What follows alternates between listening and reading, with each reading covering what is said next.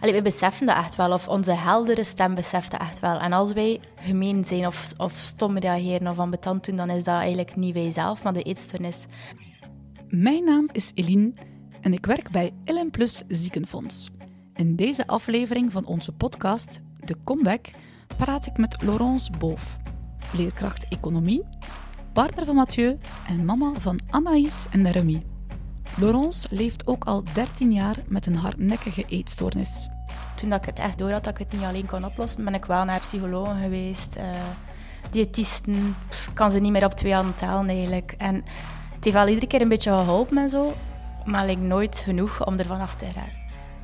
Laurence wil zoveel mogelijk mensen bereiken met haar verhaal via verschillende kanalen.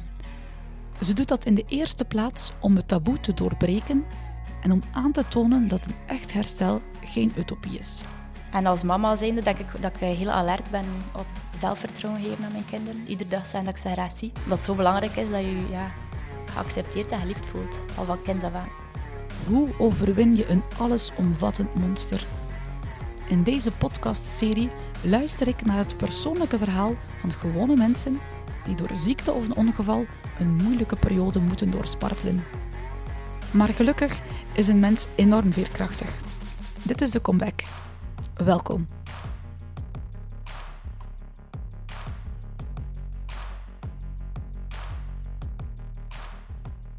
Ik ontmoet Laurence op een warme dinsdagmorgen in Sint-Denijs, een pittoresk dorpje en deelgemeente van Zwevegem in het zuiden van de provincie West-Vlaanderen.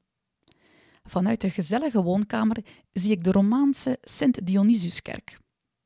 Laurence begroet me hartelijk. Ze straalt. Al weet ik dat, zeker bij een eetstoornis, uiterlijke schijn kan bedriegen. Hey, uh, Laurence. Hallo.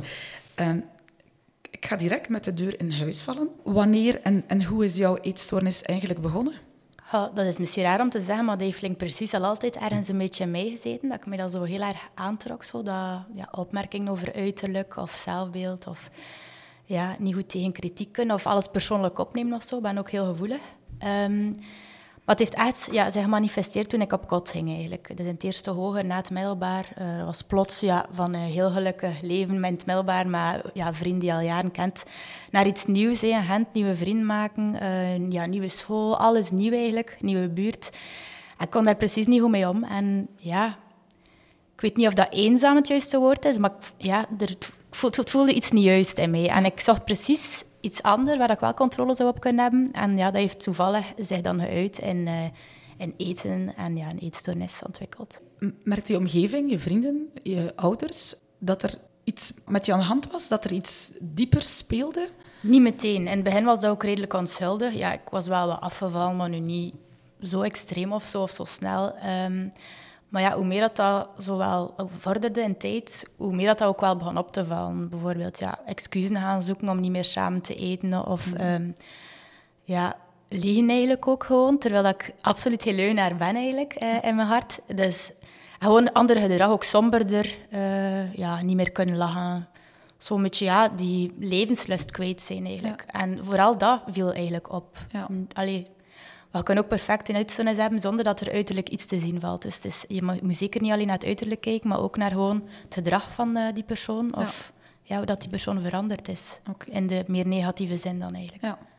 Hoe voelde jij jou op fysiek vlak tijdens je eetstoornisperiode? Um, voor corona had ik ook ondergewicht, maar ja. zo nog functioneerbaar. Of, ik kon nog gaan werken, kon nog uh, weggaan met vrienden, kon nog alles doen wat ik wou eigenlijk. Um, maar dan sinds corona ging het wat slechter. Mm -hmm. uh, was ik ook weer wat afgevallen eigenlijk. En dan was het eigenlijk echt niet oké. Okay. Ja. Uh, alles wat ik moest doen was te veel. Dat was, s ochtends, ik, allee, ik maak de kinderen klaar, ik was, ik doe hun kledij aan, ik geef ontbijt, de boekentassen klaarmaken en zo. Ze zijn dan in school en dan is dat gewoon bam. Ja. Doe, allee, precies of dat ik pff, een hele dag of zo wil slapen of niets meer kan doen mijn alarm zetten dan 3.30 uur, dat ik zeker wel op tijd ben voor de kindjes. En dan begint de show opnieuw. Hè. Dan weer de happy mama die, die voor haar kindjes zorgt, voor, kookt voor haar man. En, en dan als ze weer in een bed liggen of we gaan, gaan slapen, is dat weer van... Gewoon op zijn, ja. lichamelijk. Je bent mama, je bent getrouwd met Mathieu. Dan komt er een bepaald moment waarop je dat wilt of moet zeggen. Ehm, hoe ging hij daarmee om? Ehm, eigenlijk wel goed. Die had ook wel een beetje door. Ja. Eh, ik had ook vrij vlot of vrij snel gezegd. Ja. En ik ging dat ook totaal verstaan als die... Dat was zo'n beetje meer ja, voor het plezier in het begin en zo. maar je, zei eigenlijk al redelijk snel van... Ja, ik ben echt niet gemaakt om alleen te zijn. En ik wil eigenlijk wel serieus met je verder doen. Ja. Ik vond dat eigenlijk ook wel schoon, want ik dacht... Allee, ik heb beneden toen, wat zeg je nu? Maar ja, we hebben dat dan gedaan. En kijk, we zijn nog altijd getrouwd. We hebben twee kinderen. Dus Super. als aan mij ligt, ja, mag dat voor lang, lang, lang, lang zo blijven. Anaïs is zes, Remy is drie. Dat betekent eigenlijk eh, dat je je eetstoornis had en dat je ondertussen twee kindjes hebt gedragen en ook ge- gebaard. Ja. Ehm, maar hoe ging dat toen? Want je lichaam verandert, je buik zet uit. Wat gaat er dan eigenlijk in die negen maanden door je hoofd? In het begin zei euforisch, hè. je bent zwanger, mijn grootste droom komt uit, hè. ik ga mama worden, ik wou dat al zo lang en zo graag. Het was dan nog een keer een meisje, oh, super, het kon niet op. Maar hoe verder in die zwangerschap, ja, hoe moeilijker dat wel wordt natuurlijk. Je lichaam verandert en kun je daar eens nog een beetje proberen tegen te houden, maar dan is dan ook in je hoofd totaal niet oké, want je wilt alles doen voor die baby natuurlijk. Maar toch is die eetstoornis nog altijd aanwezig gebleven, ook tijdens die zwangerschap. Ja. Ja. Maar je at wel. Of was er compensatie? Er was wel ook helaas compensatie. Ja, Ja, ja. nog altijd. Ja. Maar je hebt gelukkig twee gezonde Ja, kinderen nu. ja, ik vind dat echt zelf... Allee, daar schaam ik me echt wel enorm voor. Ja. Een eetstoornis heeft vooral een grote impact op jouw denken, ook op jouw lichaam. Maar in welke mate heeft het ook een impact op je gezin? Je moet verschillende rollen combineren, terwijl je eigenlijk worstelt met jezelf. Hoe, hoe moeilijk is dat om al die ballonnetjes in de lucht te houden? Ik heb dat altijd een beetje gezien als... Het is mijn probleem, die eetstoornis. En ik, ja, ik deed wel nog alles mee met het gezin. Ja. Het was wel moeilijk eigenlijk. Maar ik denk niet dat zij dat altijd door hadden. Ik vroeg ook altijd aan Mathieu, allee, als ik erover wil babbelen of zo, van... Moet zeggen dat je het niet wil horen. Of, allee, omdat ik zoiets had van, allee, ik wil je daar niet mee lastig van, want je hebt ook al stress genoeg met je werk en zo. Ja. Maar ja die, ja, die is super rationeel en die kon mij ook veel helpen eigenlijk, zo, door samen erover te babbelen. Want ik ben mega gevoelig en ja, ik zou rap zo'n keer flippen en doen. En hem is dan zo down to earth. En ja, wij passen gewoon super goed. En ben hem daar ook wel dankbaar voor dat hij dat eigenlijk heeft blijven doen. Ja. Ehm, ja. Maar hem zegt altijd, ja, ik heb daar eigenlijk zelf niet zoveel last van gehad. Allee, natuurlijk, ja, ik zie ook wel dat er iets is en het is niet leuk voor u. En op het einde, ja, ons seksleven was ook niet meer dat. Ehm, Maar ja, het is toch gelukt, kijk. Ja. En als mama zijnde denk ik dat ik heel alert ben nu op ehm, ja, zelfvertrouwen geven aan mijn kinderen. Ja. Eh, iedere dag zeggen dat ik ze graag zie. Omdat het zo belangrijk is dat je je ja, geaccepteerd en geliefd voelt. Ja. Eh, al van kind, af aan. Ik ben nu 31, het begon op je 18e.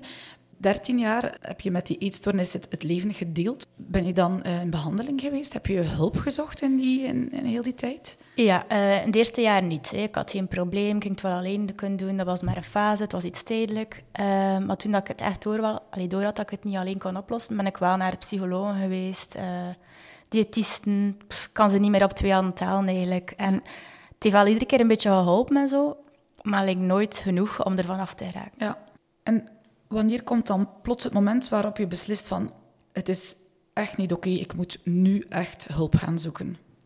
Mm, die machteloosheid van het willen veranderen, maar gewoon niet kunnen veranderen. Ja. Echt gewoon ja, vastzitten eigenlijk in jezelf. Ja. Je hoort wel vaker dat mensen die worden opgenomen met een eetstoornis al echt diep zitten. Hoe heb jij dat ondervonden? Ja, dat is nu een beetje het probleem. Eetstoornissen, dat is iets dat al, dat al lang bestaat.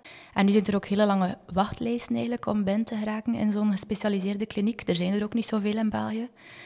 En de moment dat je eigenlijk op de wachtlijst wil zetten, zit je eigenlijk al zo diep dat het eigenlijk niet oké is dat je nog maandenlang nog een keer moet wachten. Ja. Ja. Volgens mij lijkt dan elke dag Ja. een maand Dat is en verschrikkelijk. elke ja. maand een jaar. Wat gebeurt er dan in je hoofd? Dat is echt gewoon overleven. Van de ene dag naar de andere dag. Je leven staat pauze. Ehm, ja, je courage een beetje verliezen om er zelf al iets aan te doen. Want je weet, ja, het gaat toch weer niet helpen. Ik, ik ga van eerst keer voor echt beginnen in opname. Terwijl dat niet juist is eigenlijk. Eh, bent dat wel beginnen één keer per week gaan naar iemand in het van Gent. Een verpleegkundige, Marlies. Die eigenlijk, ja, dat is dan echt één op één gesprek, een uur lang. En heel hard gefocust op, eh, ja, op de eetstoornis. Dan redelijk praktisch. Hé, wat kunnen we nu al doen? Welke stappen kunnen we nu al nemen voor opname? Zodat je als je in opname gaat, al wat verder staat eigenlijk. En dat het misschien minder lang hoeft te duren, die opname. Ja. Dus dat is wel zeer positief. En daar heb ik ook echt wel heel veel aan gehad. Ja. Ik heb al stappen gezet voordat ik in opname ging. Begin januari post Laurence een foto op haar Instagram-pagina. Ze zit op de grond, met haar benen gekruist en houdt vol ongeloof een kartonnen bordje vast. Op het bordje staat in hoofdletters opname 19 januari. Ze is blij en trots dat ze eindelijk opgenomen wordt. Het is aan de andere kant denk ik ook heel dubbel, want ja, je man en je twee kinderen laat je achter. Je kan ook de eerste periode niet naar huis. Nee. Hoe, hoe was dat voor jou dan, die effectieve dag van de opname? In mijn hoofd had ik zo precies wel al wat afscheid genomen. Ik wist dat het ging gebeuren. En het was ook net haar verjaardagsweekend geweest, met een le- superleuk verjaardagsfeestje. En ik, ja, dat is misschien een beetje raar, maar ik zei altijd, ja, alles gebeurt voor een reden. En we hadden een supermooi weekend gehad samen. En dan, ja, de maandag belden ze me, kijk, er is een plaats mee, vrij, woensdag kan je komen. En ik dacht zo van, ja, het is echt ideaal. be, ja. voilà. Je was vier maanden in opname in het ziekenhuis, eh, maar je mocht in het weekend soms wel naar huis. Ja. ja. Maar dan moet je terug je valies pakken en opnieuw gaan. Wat was eigenlijk het moeilijkste tijdens die periode? Eh, afscheid nemen terug om terug naar het ziekenhuis te Ja. gaan. En daar dan toekomen. En ook al was ik er ergens graag, omdat ik weet dat ik geholpen werd. Ja. Ja. het is toch verschrikkelijk om als moeder eh, je kinderen achter te laten. En je voelt je zo schuldig. En Ja.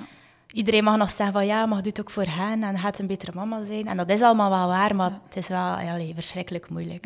Maar in het begin, dat ging nog, omdat ik niet goed kon voelen nog. Eh, dus ik was redelijk zo neutraal en hard. Ook al ja, miste ik hen wel natuurlijk. Maar ik weende niet of... Allee, ja, ik kon dat nog niet uiten. Maar hoe, meer, hoe langer dat ik daar was, hoe meer dat ik weer begon te voelen en zo. Ja. En hoe lastiger dat ik het wel kreeg.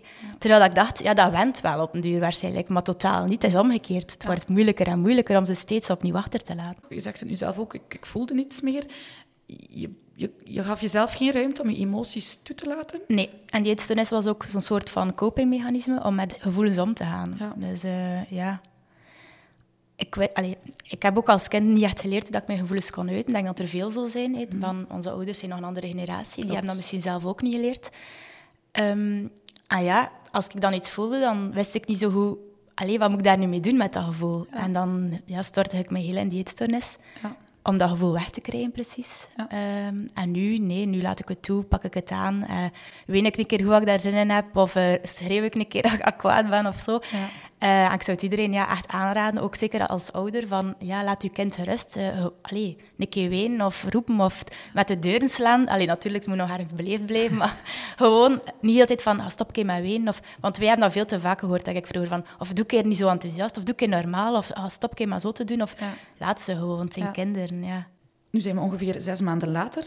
Hoe gaat het nu eigenlijk met jou? Ik zou wel zeggen goed, en dat is ook wel zo, maar ik probeer altijd te zeggen beter. Omdat Ja. ik wel duidelijk wil zijn dat ik er totaal nog niet ben, natuurlijk. Ja. Het kan ook rap weer veranderen. Allee, alhoewel- alhoewel- ik heb wel vertrouwen dat het wel redelijk oké is nu. Maar ja, ik blijf wel voorzichtig in die uitspraak. Mhm. Ja. Want ja, Je kan eigenlijk niet stellen bij een eetstoornis, ik ben genezen. Eigenlijk moeten we eerder spreken van, ik ben herstellende. Moet ik het zo zien? ook al denken de meesten van niet, zo ga ik ervan uit dat je wel volledig kan herstellen. Ik heb dat mensen zien doen. En ik geloof erin dat ik dat ook ga kunnen doen. Maar op dit moment, nu, vandaag, nee, nee. is het Nee, herstellende. herstellende, Ja. Hoe ziet eigenlijk jouw herstelproces er op vandaag uit? Dus je bent nu niet eh, langer in het ziekenhuis, maar je bent wel thuis nog bezig aan je herstel. Eh, hoe ziet je dag eruit? Ehm, ik heb eigenlijk heel veel afspraken in een week. Zo groepstherapie, naar een diëtist om te laten wegen, ehm, naar een psycholoog. Ik heb ook een coach die zo, ja, dan, waar ik gewoon een keer mijn hart bij kan luchten. Dan niet alleen op eten gerelateerd en zo. Eh, en ik heb ook de kindjes natuurlijk hè, naar school brengen. Dat ze al aan de schoolpoort staan, tien voor vier. Het is rap gepasseerd eigenlijk de dag. Eh, maar ik geniet eigenlijk heel erg van de momenten daartussen om gewoon echt te rusten en om gewoon 100% bezig te zijn met mezelf. Ja. Nu, ik vind dat zalig. Ze zijn naar school, mijn man is gaan werken, ik ben alleen thuis. Eh, ja, ik doe wat ik wil en dat is echt, ja, dat doet zoveel deugd, omdat ik dat zo lang niet heb gedaan. Ja. Laurence leert om zichzelf meer te gunnen, om zichzelf belangrijk genoeg te vinden. Eten wordt steeds minder een opdracht en Laurence kan ook haar lichaam steeds beter aanvaarden. Onlangs post je dat je eigenlijk trots bent dat je lichaam weer die vrouwelijke vormen terugkrijgt. Kunnen we al stellen dat je bent gaan leren houden van jezelf, van je lichaam? Ja, eigenlijk wel. Maar het gevaar is, eh, ik ben bijgekomen en ik ben al veel beter. Dat ik zo zeg van, kijk, het is goed nu. Ja. Terwijl ik weet, nee, je moet er nog een beetje bij komen om in een gezond BMI te zitten. Of ja, om, om een beetje marge ook te hebben. Stel dat ik een keer ziek word of zo, of dat er iets is dat ik niet weer direct naar uh, ja, weer een paar kilo afval of zo. Dat kan altijd een keer gebeuren, nee. of, of, ja, om de een of andere reden. Dus ik mag zeker nog wat opbouwen. En allee, ik ben dat wel aan het doen op het gemak, maar ik merk dat het wel al zo niet te snel gaat. Ja. ja. En heb je het daar moeilijk mee? Of? Um, nee. Soms wel nog. Soms zie ik mezelf nog niet echt juist ook Mhm. in de spiegel. Um, maar ik ga ook naar iemand gaan nu. Um, iets dat ik opzet, PMT is dat, psychomotorische therapie. Mhm. Waarbij dat we echt puur gaan focussen op dat lichaamsbeeld. Dus uh, om je correct te leren zien. Ja. Ik zie andere mensen correct, maar mezelf nog altijd niet helemaal. Ja. Dus dat zit zo nog een beetje niet juist en dat moet er zo nog ja, uit. En ja, ik denk dat ik dat nog nodig heb om mijzelf volledig dan toe te staan om nog tot dat gewicht te geraken. Bepaalde mensen met een eetstoornis hebben een soort van haat-liefde verhouding met voeding. Was of is voeding voor jou taboe? Um, ik heb het heel lang gehaat mm -hmm. en nu vind ik het super. ik heb er leren eten en mezelf leren um, of ja, mezelf de toestemming gegeven om terug te eten Mhm. mm -hmm. uh, en alles binnen te houden. Want ik had, allee, ik had compensatiegedrag ook na mijn eten soms, dat Mhm. ik naar het toilet ging. Wat dat niet oké okay is en wat je nooit moet aan beginnen, want dat is echt zo moeilijk om af te leren. Maar kijk, voorlopig lukt het wel. Mhm. Um, maar nu ja, eet ik dus gewoon waar dat ik zin in heb. En uh, ja, smaakt het mij gewoon zo. En ah, oh, kijk, ik mag dat hier nu opeten. En allee, waarom heb ik me dat jarenlang ontzegd? Of Ja. waarom wou ik dat niet ja, binnenhouden vroeger? Het is zeker nog niet allemaal oké, maar het is gewoon al zoveel leuker. Ja. Zoveel vrijer. Naar de winkel gaan en niet meer naar al die calorieën moeten kijken, maar gewoon nemen van, mm, dat ziet er lekker uit. Ja. En, en kook je zelf? Kook je Ehm, graag? Ik kook niet zo graag, maar kook wel, ja, Ja. af en toe. Maar we gaan ook nog redelijk wel veel weg. Ja. ja. We zijn nogal levensgenieters. Ehm, vroeger nam ik dan altijd salaatjes Ja. en het magerste van het magerste. Ja. En was ik daar wel oké mee, want ja, Mhm. ik bleef wel eten. Ja. Maar nu ja, kan ik, ik ga nog salades eten, hè, maar ik ga er dan brood bij eten. En ik ga nu ook gewoon nemen waarin dat ik zin heb. Hè. Als ik een keer zin heb in stoofvlees met frietjes en mayonaise, ga ik dat doen. Terwijl vroeger die pot mayonaise zou ik sowieso niet aangeraakt hebben.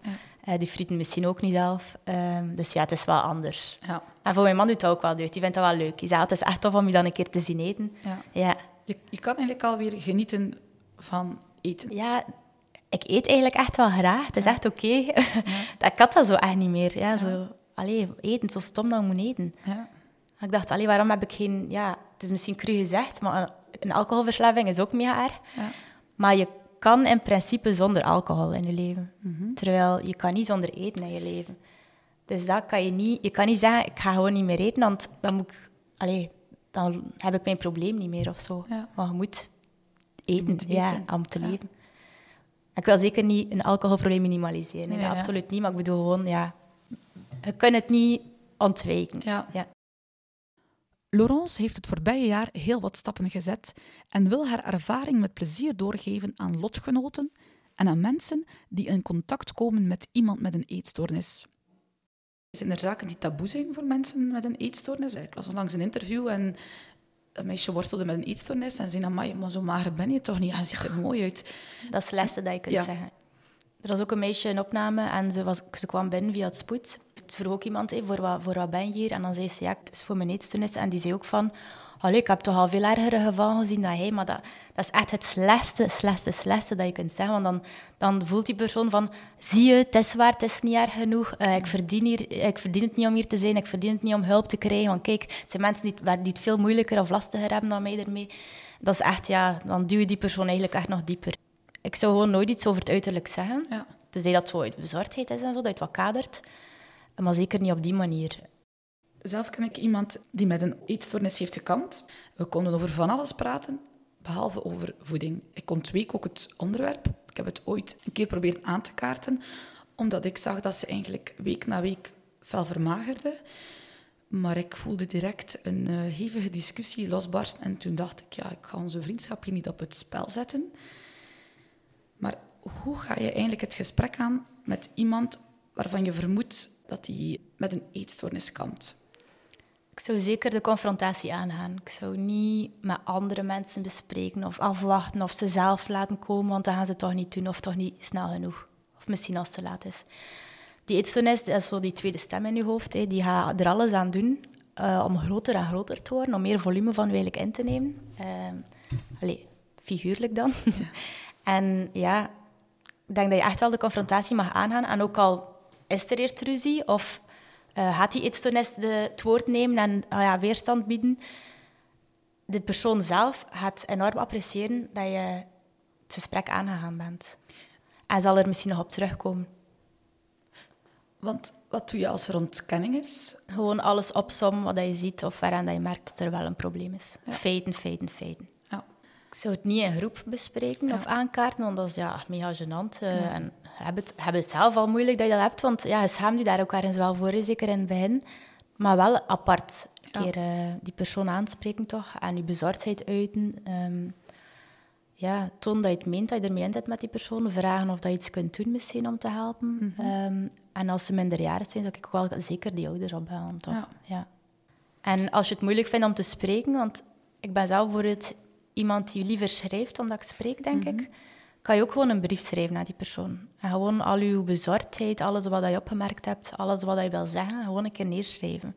En dan weet je ook zeker dat je niets vergeet om te zeggen, want je hebt het allemaal neergeschreven. Kan die persoon dat ook lezen en herlezen en dat echt laten binnenkomen.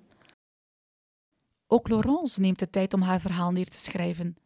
Met haar boek Dag Eetstoornis, Genoeg is Genoeg, wil ze in de eerste plaats hoop, kracht en moed geven aan lotgenoten. Maar daarnaast wil ze via haar persoonlijke verhaal inzicht geven aan familieleden en vrienden die plots moeten leren omgaan met iemand met een eetstoornis, die worstelen met onwetendheid of schuld. Ik denk dat er heel veel mensen die onwetendheid en dat schuldgevoel zo ervaren, zeker ouders van, uh, partners van vriendinnen en zo. Um, maar de persoon met de eetstoornis, als ik nu voor mezelf praat, beseft wel dat jullie wel willen helpen en dat als jullie iets zeggen, dat jullie dat goed bedoelen, ook al komt het misschien niet zo over. Allee, we beseffen dat echt wel, of onze heldere stem beseft dat echt wel. En als wij gemeen zijn of, of stom reageren of ambetant doen, dan is dat eigenlijk niet wij zelf, maar de eetstoornis. En dan, denk dat dat als ouder ook zeker een belangrijk inzicht is van kijk, dat is nu mijn dochter of zoon die spreekt, of kijk, dat is de eetstoornis in mijn dochter of zoon die aan het spreken is. En je moet lief zijn voor de, je dochter of je zoon, of voor de persoon met eetstoornis, maar je moet heel streng zijn voor de eetstoornis zelf. Dat is wel een belangrijk. Liefde, ik ben een en al liefde. Ik vind liefde heel belangrijk, maar je moet ook niet te lief zijn voor de eetstoornis. Dat ze niet te veel vrijheid krijgt. Oké. Ja. ja. En ook, ja, probeer maar, probeer maar uit wat je denkt dat kan helpen. Um, maar wij beseffen zeker dat alles meestal wel goed bedoeld is. Ja. En wij voelen onszelf schuldig dat wij jullie dat aandoen op de een of andere manier. Dus, ja. Een aantal mensen worstelen met een eetstoornis, uh, zoeken hulp. Maar wat zou bijvoorbeeld de kans op herstel voor die mensen kunnen vergroten? Um, je moet motivatie hebben om te willen herstellen. En extrinsieke motivatie is zeker een belangrijk. Bijvoorbeeld bij mij, voor mijn kinderen, voor mijn ouders, voor mijn man, voor vrienden en zo. Voor, ja, voor gewoon voor ja, alles dat buiten nu staat, dat, dat je belangrijk vindt. Maar intrinsieke motivatie, dus echt voor u zelf, is de belangrijkste. En die heb ik jarenlang niet gehad. En dat was de ontbrekende factor voor mij dan, um, om niet volledig te kunnen herstellen of om niet beter te worden. Ja. Dus je moet echt zoeken naar, kijk, waarom wil ik herstellen voor mezelf? Wat wil ik bereiken? Of welke droom heb ik nog? Of wat wil ik nog realiseren? En jezelf dat echt hun van ja, beter te worden gewoon. En jezelf niet wegcijferen voor iedereen. Hij, hij doet er ook toe. Hij is ook belangrijk genoeg. Hij is ook waardevol. Dat niet vergeten. Stel nu dat er iemand luistert die worstelt met een eetstoornis. Waar zou hij of zij kunnen aankloppen voor hulp? Um, er zijn wel redelijk wat instanties die zo informatie aan zo geven. Um, ik vind ANBN heel goed en uh, Eetexpert bijvoorbeeld. Ik um, denk als je daarmee al begint, dat je al heel wat uh, hulp gaat kunnen vinden. En natuurlijk mag je ook altijd met een huisarts, denk ik, of andere hulpverleners uh, erover spreken natuurlijk. Maar blijf er gewoon niet alleen mee zitten, dat is veel te jammer. Wat zou je tegen de Laurence van pakweg tien jaar geleden nog willen zeggen? Dat het echt wel oké is om jezelf op nummer één te zetten dat je belangrijk genoeg bent, dat je het waard bent. Ja, ik denk dat dat een belangrijk is. Je, je hebt precies nog moeite om het met overtuiging te is het waar? Klopt het? Ik ben ook nog herstellend. Nee, maar, klopt. Nee, ja, inderdaad. Ja. Ja, ik help zo graag anderen, maar ik mag mezelf niet vergeten. Niet vergeten. Nee, dat blijft wel een werkpunt. Ja. Ja. Oké. Wel, dan wens ik jou voor eerst te bedanken voor dit openhartige en zeer boeiende gesprek. Voor ook de tips die je hebt meegegeven voor mensen die worstelen met zichzelf, met een eetstoornis, maar ook voor hun omgeving. En ook eh, dan wens ik jou alvast heel veel beterschap toe, een mooi herstel en een verder gelukkig zijn met jezelf en met je gezin en je omgeving. ja, Bedankt voor de dank u babbel. wel. Je luisterde naar The Comeback, een podcast van Ellen Plus Ziekenfonds. Laurence Boof is herstellende van een eetstoornis, maar vindt zichzelf vandaag belangrijk genoeg om haar gezondheid op de eerste plaats te zetten. Worstel je zelf met een eetstoornis of ken je iemand die het moeilijk heeft? Informeer je op anbn.be of eetexpert.be of contacteer je huisarts. Benieuwd naar nieuwe afleveringen? Bezoek www.lmplus.be of beluister ons op Spotify.